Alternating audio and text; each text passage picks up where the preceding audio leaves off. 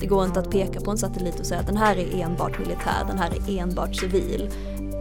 Här behöver man eh, borra ytterligare för att förstå de här beroendena eh, bättre. De allra flesta av oss använder oss regelbundet av tjänster som är beroende av den infrastruktur som finns i rymden. Den förser oss med allt ifrån väderleksrapporter och navigation till betaltjänster och kontakter med nära och kära. Och rymden blir allt mer viktig för både militär och civil verksamhet och erbjuder fantastiska möjligheter. Men det finns ju också vissa risker med att vara beroende av dessa rymdtjänster. Så i det här avsnittet av Rapporterat ska vi prata om just rymdinfrastruktur. Vad är det? Vilka är hoten? Och vad kan hända om vi förlorar tillgången till dessa rymdsystem? Jag heter Kajsa Collin och med mig för att prata om det här så har jag Beatrice Reichel som är analytiker på FOIs avdelning för försvarsanalys med fokus på krisberedskap och civilt försvar. Och med oss också på länk så har vi Anna Maria Wårlind som är jurist och forskare på rymdsystem här på FOI. Välkomna hit. Tack så mycket. Tack. Anna Maria, först får du berätta varför du är i Wien just nu, eh, för det är lite rymdrelaterat, eller hur? Ja, gärna det och det är i allra högsta grad rymdrelaterat. Eh, I Wien så samlas medlemsstaterna i eh, konventionen för eh, fredligt nyttjande av det yttre rymden, det som kallas för rymdfördraget på svenska och förkortat på engelska som vi oftast hör KOPUS. Och just nu så pågår det ett arbete i den rättsliga underkommittén. Det finns två underkommittéer som jobbar med tekniska respektive rättsliga frågor. Och här är FOI och bevakar eh, utvecklingen eh, vad det gäller då folkrätten på rymdområdet. Eh, det är eh, många som tycker om att säga att Åh, det är vilda västern i rymden och eh, eh, där saknas det regler och man vet inte vad som gäller. Men eh, det här arbetet har ju pågått väldigt länge och det finns en rik folkrätt eh, som hjälper oss att tolka och förstå eh, den här domänen. Precis, och en del av det du nämnde i förbigående kommer ju också komma upp lite senare i samtalet tror jag. Men jag tänkte vi skulle börja med eh, Beatrice kanske då, eh, för jag vill att vi ska vara tydliga med vad som ingår i begreppet rymdinfrastruktur först. Ja, ja men precis, det här med begrepp kan ju vara viktigt att reda ut till att börja med. Eh, så med begreppet rymdinfrastruktur så menar man ju oftast då den fysiska infrastrukturen i former av både satelliter och markstationer. Eh, och här tror jag faktiskt att det kan vara värt att ta ett steg tillbaka och förklara hur den här fysiska infrastrukturen ser ut och hur de här delarna hänger ihop. För de flesta vet ju nog att eh, det finns tusentals satelliter i omloppsbana runt jorden. Eh, I höstas så var det omkring eh, 6850 operativa satelliter men, men den siffran kan man eh, nog räkna är redan inaktuell för, den, för antalet satelliter ökar ständigt. Eh, men alla de här operativa satelliterna de kommunicerar alltså med ett marksegment på jorden via olika radiofrekvenser. Så de här satelliterna, de är alltså inte isolerade objekt som bara flyger omkring ovanför oss, utan de kont eh, kommunicerar kontinu kontinuerligt med mottagare här på jorden. Och vi kommunicerar ju också med dem. Och då handlar det dels om nedlänken, alltså den information som satelliterna har genererat uppe i rymden i form av bilder eller signaler som ska skickas ner till jorden. Och sen då även upplänkarna, det vill säga de här kommandona som vi använder för att styra satelliten. Ehm, men eh, jag tänkte också att man kanske ska eh, slänga in begreppet rymddata här, alltså den informationen som kan härledas till satelliterna för att rymdinfrastrukturen i sig är bara en liten del av det hela. Ehm, all den här datan, det, är en väldigt stor mängd data, den nyttjas ju i vår vardag på olika sätt, eh, bland annat i samhällsviktiga funktioner. Eh, så vi kanske kommer slänga in det begreppet lite i diskussionen idag också. På vilket sätt eh, används den här infrastrukturen? Ja men lite förenklat då så kan man ju dela in de här satellitens funktioner i, i tre olika kategorier. Eh, och ett första användningsområde är då kommunikation och det kan handla om tv-sändningar, telefoni, internet. Eh, och ett andra användningsområde det är position, navigering och tidssynkronisering. Eh, så de flesta är kanske bekanta med det här amerikanska satellitnavigeringssystemet GPS. Eh, men idag finns det väldigt många andra system som har global täckning som ryska GLONASS och kinesiska Beidou och europeiska Galileo. Eh, och samlingsnamnet då för de här det är Global Navigation Satellite Systems, GNSS. Eh, och de här systemen de hjälper oss inte bara att navigera utan de kan också ge oss tillgång till mycket noggrann tid. Eh, för satelliter är utrustade med mycket noggranna atomklockor så att om man integrerar en sån här GNSS-sändare i annan teknisk, eller förlåt en GNSS-mottagare i annan teknisk utrustning så får man en väldigt eh, bra källa till tidssynkronisering.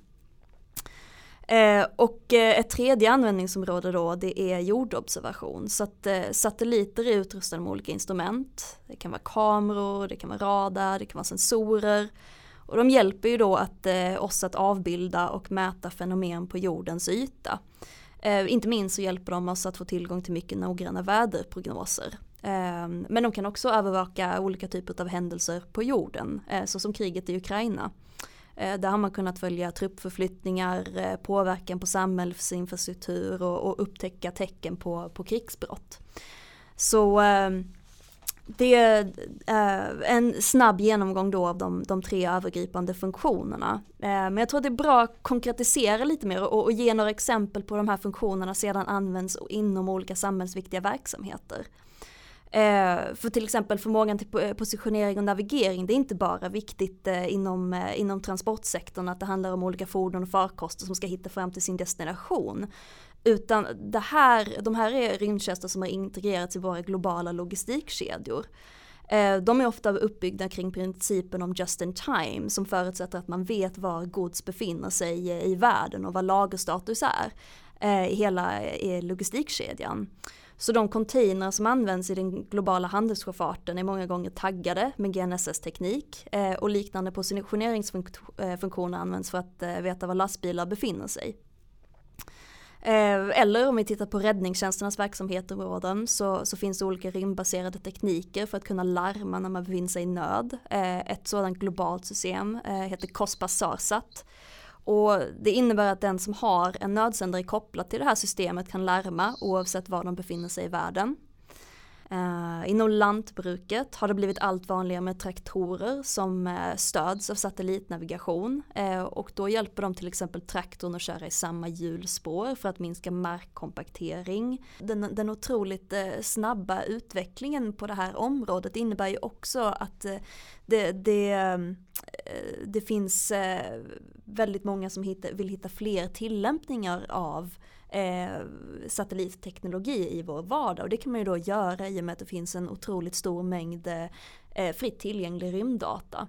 Och det är inte alltid att det är helt uppenbart att det man använder i sin verksamhet faktiskt är rymddata. Eh, för den har eh, kanske förfinats i så många led att eh, eh slutanvändaren i sig kanske inte är helt eh, medveten om att eh, om att det systemet de använder är eh, i, i någon mån en, en rymdbaserad teknik.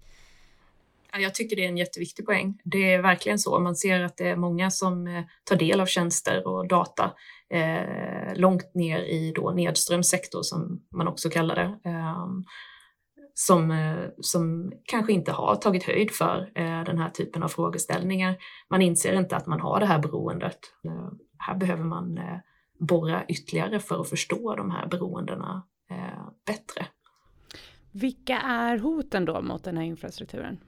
Ja, det finns ju en rad olika hot mot rymdinfrastruktur och det är förekomsten av de här hoten som gör att det är viktigt att analysera och skapa förståelse för hur samhället eh, kan vara beroende av rymdinfrastrukturen.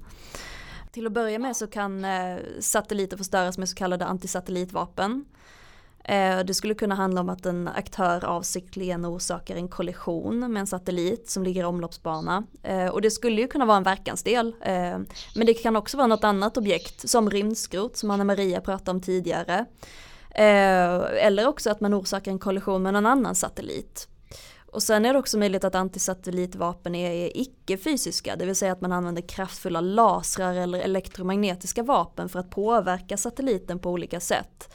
Eh, eller rent av då för att förstöra den. Eh, sen kan satelliter utsättas för cyberattacker eh, och det kan även kontrollsegmentet på, eh, på marken. Och om man då eh, Eh, om tillvägagångssättet är en cyberattack så kan en antagonist eh, påverka satellitens funktion. De kan eh, bevaka dataflöden. Man kan till och med ta över kontrollen av satelliten eller förstöra den. Och sen Eh, till det då kan man ju lägga att eh, upp och nerlänkar kan användas eh, som, som används för att kommunicera med rymdinfrastruktur. De kan störas ut och vilseledas. Eh, och eh, då är det alltså frågan om avsiktlig störning av kommunikationslänken till satelliten. Alternativt då att man planterar falsk data som gör att antingen satelliten eller slutanvändaren agerar på felaktig information. Eh, kanske pausar där för det finns också en del att säga om icke-antagonistiska hot. Eh, men kanske släppa in Anna-Marie också om, om du vill kommentera ja, men precis. Vi jobbar, jag ska säga, vi jobbar ju eh, primärt med de här frågorna eh, i eh, i ett domänperspektiv då och eh, vi ser att det finns både då kinetiska hot, olika typer av Eh, verksamheter som eh, utvecklas av stater för att kunna förneka eh, sina då, eh, motståndare eh, åtkomst till rymden och eh, tjänster, data från rymden. Eh, som Beatrice var inne på så kan det röra sig om eh, ja, att man helt enkelt med en robot försöker skjuta ner ett föremål i rymden. Det kan också röra sig om eh, att man har eh, så kallade co-orbital eh, eh satellitvapen då som eh, man sätter i omlopp som skuggar andra satelliter och det kan vara att man skjuter ut en projektil men man kan också använda en satellit i sig för att krocka in i en annan satellit och skapa ytterligare då kollaterala skador. Sen, sen finns det ju också då det här potentialen då att angripa markinfrastruktur som du var inne på också där. Och där ska man ju komma ihåg att det inte bara rör sig om att attackera um, kanske upplänk och nedlänk utan eh, det kan ju vara så att, eh, att man helt enkelt eh, eh försöker påverka annan eh, grundläggande försörjning som krävs på de här stationerna, elektricitet, eh, och, eh, man kanske går på vattenförsörjning, andra, andra Eh, funktioner som är vitala för eh, att kunna driva de här verksamheterna. Så det finns ju många typer av sätt att störa en verksamhet då, eh, ja, rent fysiskt. Och sen när det gäller de här icke-kinetiska medlen då, där det inte sker någon direkt kontakt, så ska man komma ihåg att de är ju mycket svårare då att spåra, att attribuera till någon.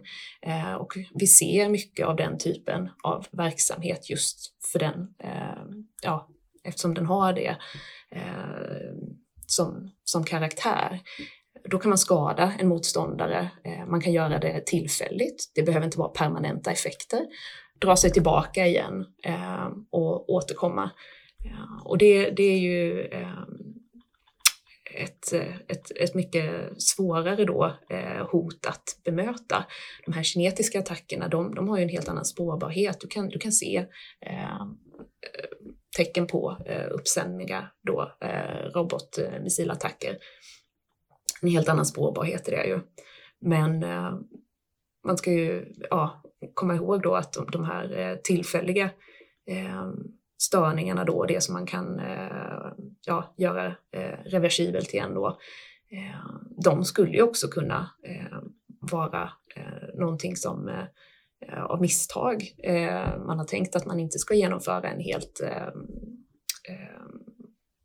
permanent då skada utföra, eller att man vill inte tillfoga en helt permanent skada, men man, eh, man kanske inte lyckas i sin intention och då skulle man ju kunna eh, orsaka mer långtgående konsekvenser om det är så att man till exempel då eh, orsakar att eh, kontroll förloras eh, av en satellit. Eh, det skulle kunna kollidera med andra eh, objekt i omlopp och eh, därigenom då orsaka kedjereaktioner. Så att eh, ja, eh, det är rätt intressant också att fundera över om, om det är någonting som kan orsaka skador på miljön eh, som, som helhet i rymden eller om det är någonting som bara direkt eh, träffar det enskilda eh, objektet. Och fundera över eh, vad, man, vad man behöver bered, för beredskap för den ena och den andra typen av attack då eller eh, den ena eller andra typen av hot. För det är ju en sak att hantera då eh, situationer där det bara rör sig om avbrott eller eh, uppehåll i tjänster och eh, dataförsörjning eh, jämfört då med permanenta förluster. Ja.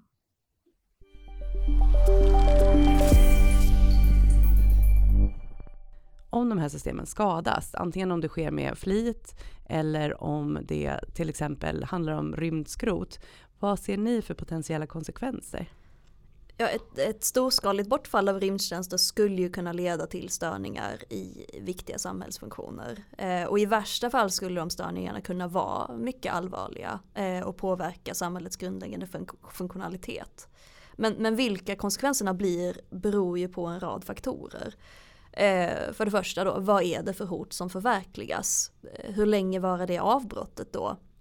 Men inte minst, hur väl har vi förberett oss eh, på den typen av händelse? Och, och sen är det ju så att det är inte alla verksamheter som har kritiska eh, beroenden av rymdinfrastruktur, även om man använder sig av rymdtjänster i vardagen. Så under 2022 så genomförde vi den här studien då där vi tittar på några exempel av samhällets rymdberoenden. Jag tycker ändå att det är viktigt att man framför en nyanserad bild av den eventuella påverkan. För det är långt ifrån alla verksamheter som använder rymdtjänster på ett sätt som man kan säga utgör ett kritiskt beroende. Men i den här studien så har vi troligtvis inte gjort mer än skrapat på ytan. Men även om man tar de beroenden som vi, som vi faktiskt tittar på så tycker jag det är spännande om man tillåter sig att resonera lite. För man tänker sig något slags scenario där eh, det sker ett storskaligt bortfall av rymdtjänster och man har kanske inte verksamheter som direkt börjar stå stilla men där alla simultant är måttligt påverkade eh, så skulle det ändå kunna vara en ganska allvarlig situation. Eh, det kanske handlar om att vissa verksamheter får arbeta med reducerad kapacitet under en tid, att man förlorar den precision, noggrannhet eller effektivitet som man är van vid, då tack vare rymdtjänster.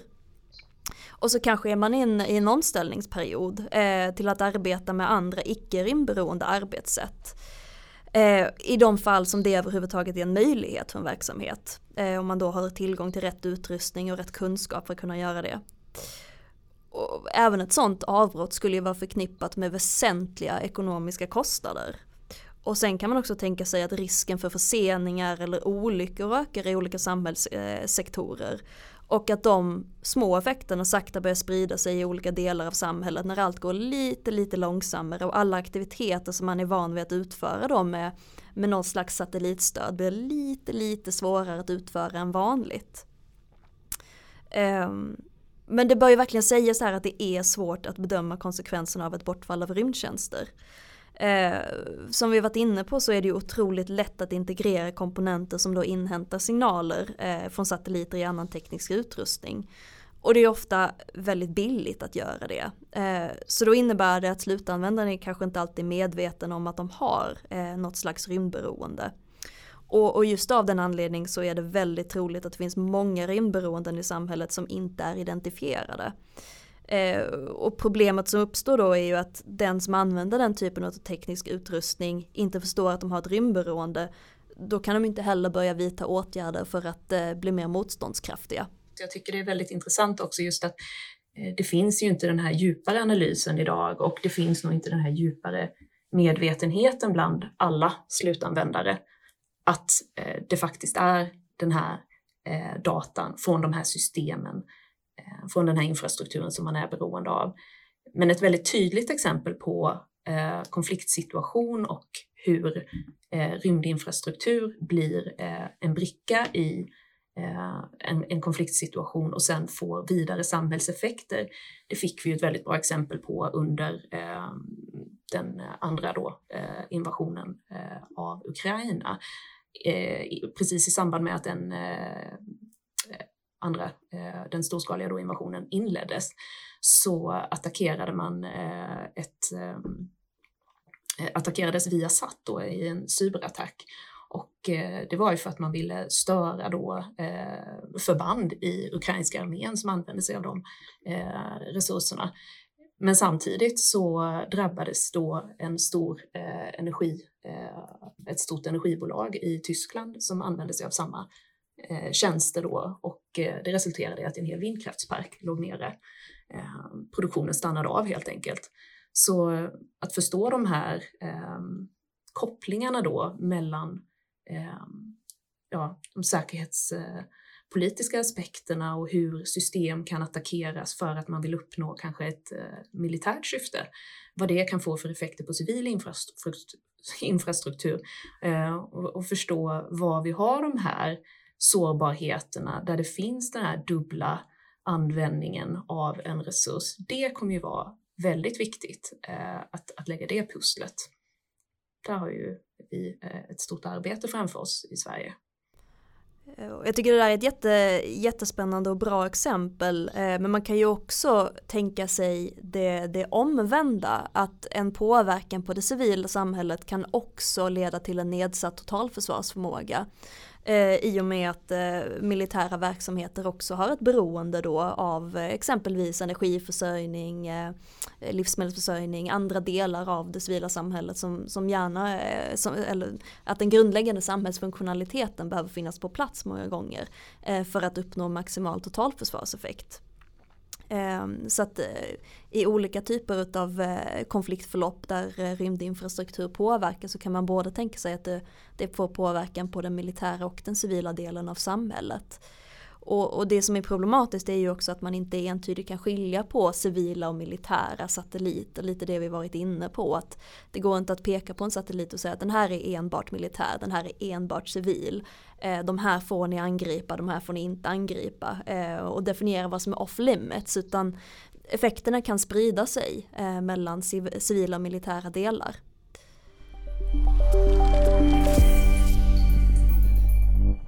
Ni har pratat lite om beroenden och, eh, eh, och risker med att vara beroende av de här grejerna. Men hur skulle ni säga att medvetenheten ser ut i samhället idag i hur, eh, hur de här beroende och riskerna ser ut? Jag skulle säga att det är en väldigt låg medvetenhet eh, eh generellt sett. Och jag tror att om man är då, om vi tittar från ett eh, ja, civilsamhälleligt perspektiv, medveten om att man använder sig av de här resurserna, så skulle jag eh, också anta idag, så som det ser ut eh, 2023, att man kanske inte har reflekterat så mycket över just de här aspekterna av att rymd eh, infrastruktur kan användas för eh, olika syften då, både civila och militära. Och att eh, samma anläggningar som hanterar mycket kommersiella data, kanske öppna data och ehm, eh, ja, forskningssamarbeten också eh, skulle kunna användas eh, för andra syften. Och eh, ja, då, då, då kan det vara så att man eh, kanske har eh, ett, eh, en förståelse av eh, sin egen verksamhet men att man inte förstår den vidare kontexten och säkerhetsläget då. Ehm, eh, och det här gäller nog eh, alla typer av verksamheter. Ehm, och vi ser ju också att EU reglerar mycket kraftigt på det här området, att det har kommit mycket eh, styrning just när det gäller kritisk infrastruktur, säkerhet, informationssystem och utländska direktinvesteringar. Det är ju av en anledning. Man har identifierat det här på EU-nivå och man har börjat jobba med att motverka då eh, att, det, att det blir eh, att vi bygger in eh, sårbarheter om man tittar på det här med utländska direktinvesteringar så pågår ju det eh, en eh, process i Sverige nu för att genomföra en nationell lagstiftning och det är väldigt positivt eh, att det här arbetet pågår för det sätter ju ljuset på det här. Rymd är ju bara en del av det. Det finns ju många andra eh, sektorer som pekas ut här och annan infrastruktur såklart som berörs men Just när det gäller rymdsektorn så tror jag att det är väldigt positivt att vi ser det här arbetet nu för det sätter, sätter ljuset på de här frågorna. Och just när det gäller den här eh, ja, eh, kritiska infrastrukturen där så ser vi ju just markinfrastruktur i Sverige. Vi har som sagt då det svenskt äga, ägda rymdaktiebolaget SSC eh, och infrastrukturen vid S-Range, eh, eh, markstationen där, som också utvecklas till att bli en kapacitet för uppsändning av satelliter. Att de träffas ju direkt av eh, de här nya regleringarna och även då eh, information, säkerhet, cybersäkerhet eh, i eh, den här typen av verksamhet omfattas ju också nu då genom NIS 2-direktivet. Eh, och det är ju eh, nytt. Rymd har inte varit utpekat tidigare eh, så på det här viset när det gäller informationsförsörjning och kritisk infrastruktur och just utländskt ägande. Så, så, här, så här kommer det hända mycket i Sverige tror jag över de kommande åren. Hur kan man som organisation tänka då kring eh, beroende och risker och hur man kan skydda sig? Ja, det gäller ju framför allt att man eh, designar sina system, om vi ska se från det tekniska perspektivet här. Eh, att man utvecklar dem för att vara robusta och stå emot attacker. Det är ju kanske någonting som man ja, inte tidigare har fokuserat på på samma vis. Men det här gäller ju både då situationen med rymdskrot, att det ökar och att det är farligare helt enkelt, att objekten är, eh, Eh, utsätts för mer risker bara, bara i form av eh, rymdskrot. Men om man tittar på direkta attacker också då, fysiska eller eh, icke-fysiska, så går det ju också att eh, utveckla designen och och sen ska man ju tänka också på att eh, ha kanske då alternativ, någon form av substitut man kan gå över till tillfälligt eller mer långsiktigt beroende på vad som händer. Eh, och eh, ja, det, det, finns lite olika trender i det här ehm, som, som inte är på systemnivå heller, utan om man tittar på eh, eller på komponentnivå då, men om man tittar mer eh, i stor, stora hela så eh, vi nämnde ju någonting om eh, megakonstellationer tidigare. Det är ju också en effekt av eh, de här sårbarheterna alltså, så kan man säga att man väljer att jobba med stora konstellationer där det gör ingenting om ett objekt slås ut för det finns ett helt nätverk av objekt och man har eh, reservsatelliter redo eh, att aktivera om det är så att en aktiv komponent i en konstellation går ner, att det finns eh, en, en, reserv som går att aktivera. Eh, och att jobba just med det responsiva arbetssättet, att snabbt kunna eh, sända upp nya satelliter, det är också någonting man ser. Eh, man utvecklar nya upphandlingsformer för att, för att snabbt kunna Eh, Eh, om man ser till försvarssektorn globalt och rymd och försvaret, snabbt kunna ersätta skadade objekt. Då. Ja, men jag tyckte det var jättebra du lyfte innan Anna Maria med um, i, i, relation till hot så nämnde ju det här att, att det är så otroligt viktigt med, med motståndskraft i, i samhället i stort. Att om man har en robust eh, energiförsörjning eh, eh om man tänker på de här frågorna ur ett helhetsperspektiv, ja då blir också rymdinfrastrukturen mer, mer motståndskraftig. Så, så det är ju ett perspektiv. Eh, och utöver det du har nämnt eh, i, i termer av att man har tillgång till exempel då till, till substitut så kan man ju också lägga det här med adaptivitet, att man försöker säkerställa att man eh, i sin verksamhet har förmåga att anpassa sig eh, om det skulle ske ett bortfall av rymdtjänster. Eh, och, och, då kan det ju innebära att man har eh, möjlighet att övergå till alternativa arbetssätt för att kompensera för det bortfallet. Men möjligheten att göra det kan ju ibland bero på hur de här rymdbaserade systemen är designade. Om själva eh, rymdsignalen, eh, om datan faller bort, kommer systemet stänga ner sig helt och hållet eller är det möjligt att, att eh, överta manuell kontroll och ändå styra det? Och för att kunna fatta beslut om det här, till exempel i ett upphandlingsskede, så måste man ju först vara medveten om att, ha, att man har ett rymdberoende så att man kan ta ställning till hur man vill att systemet ska agera. Um, så återigen är vi tillbaka till det här att, att det börjar ju med kunskap och, och, och medvetenhet. Precis. Och ja, de myndigheter som har rymdverksamhet eh, som jobbar med den här typen av frågeställningar, de har ju också tagit fram väldigt mycket information. Det finns redan en hel del att läsa eh, om, man, om man söker sig till webbplatserna. Alltså, vi har MSB och eh, FOI som beskriver sin verksamhet bland annat och Rymdstyrelsen då som eh, bredare eh, beskriver hur, hur rymdverksamhet är en del av samhället. Där kan man ju ta del av information, börja sin utbildningsresa eh, och försöka utbilda personal, säkerställa att man har rutiner eh, och att man då ja, eh, upprättar den här eh, beredskapen och att man, att man gör det förutseende och inte som reaktion på att det, det faktiskt inträffar någonting utan att, att man börjar innan, innan man ja, är inne i något kritiskt skede så man har tid, tid att planera och förebygga. Vi har slut på tid, men vi brukar avsluta varje avsnitt av Rapporterat med lästips. Nu har du, eh, Anna-Maria, redan gått igenom en hel del ställen där man kan hitta bra saker att läsa. Men Beatrice, har du några lästips för de som vill veta mer? Jag tyckte det var en jättebra lista som, som Anna-Maria gick igenom där. Eh, man kan ju absolut vända sig till, eh, till MSB, de tillhandahåller bra utbildningsmaterial. Det finns både informationsbroschyrer, videos som kan vara ett, ett bra första ställe att, att börja på. FOI har ju också en hel del rapporter, eh, inte minst de som eh, ni eh, har eh, författat inne på, på rymdsystem, Anna-Maria. Ja, precis. Omvärldsanalys eh, för rymdområdet då som kommer eh, eh ska vi se, var tredje år tror jag här. De är ju väldigt breda beskrivningar av vad som pågår i eh, ja, rymdsektorn eh, och när det gäller då försvarssäkerhet. Så de, de är ju väldigt enkla att börja i om man är eh, ny för området också. Eh, så de kan vi ju rekommendera varmt. Bra, tack så jättemycket båda två för att ni kom hit. Tack. Tack så mycket.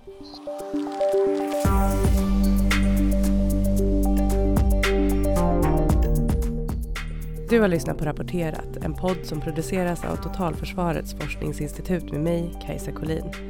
Och i poddredaktionen sitter också Maria Hugosson Bygge, Albert Hager Bernats och Madeleine Filander.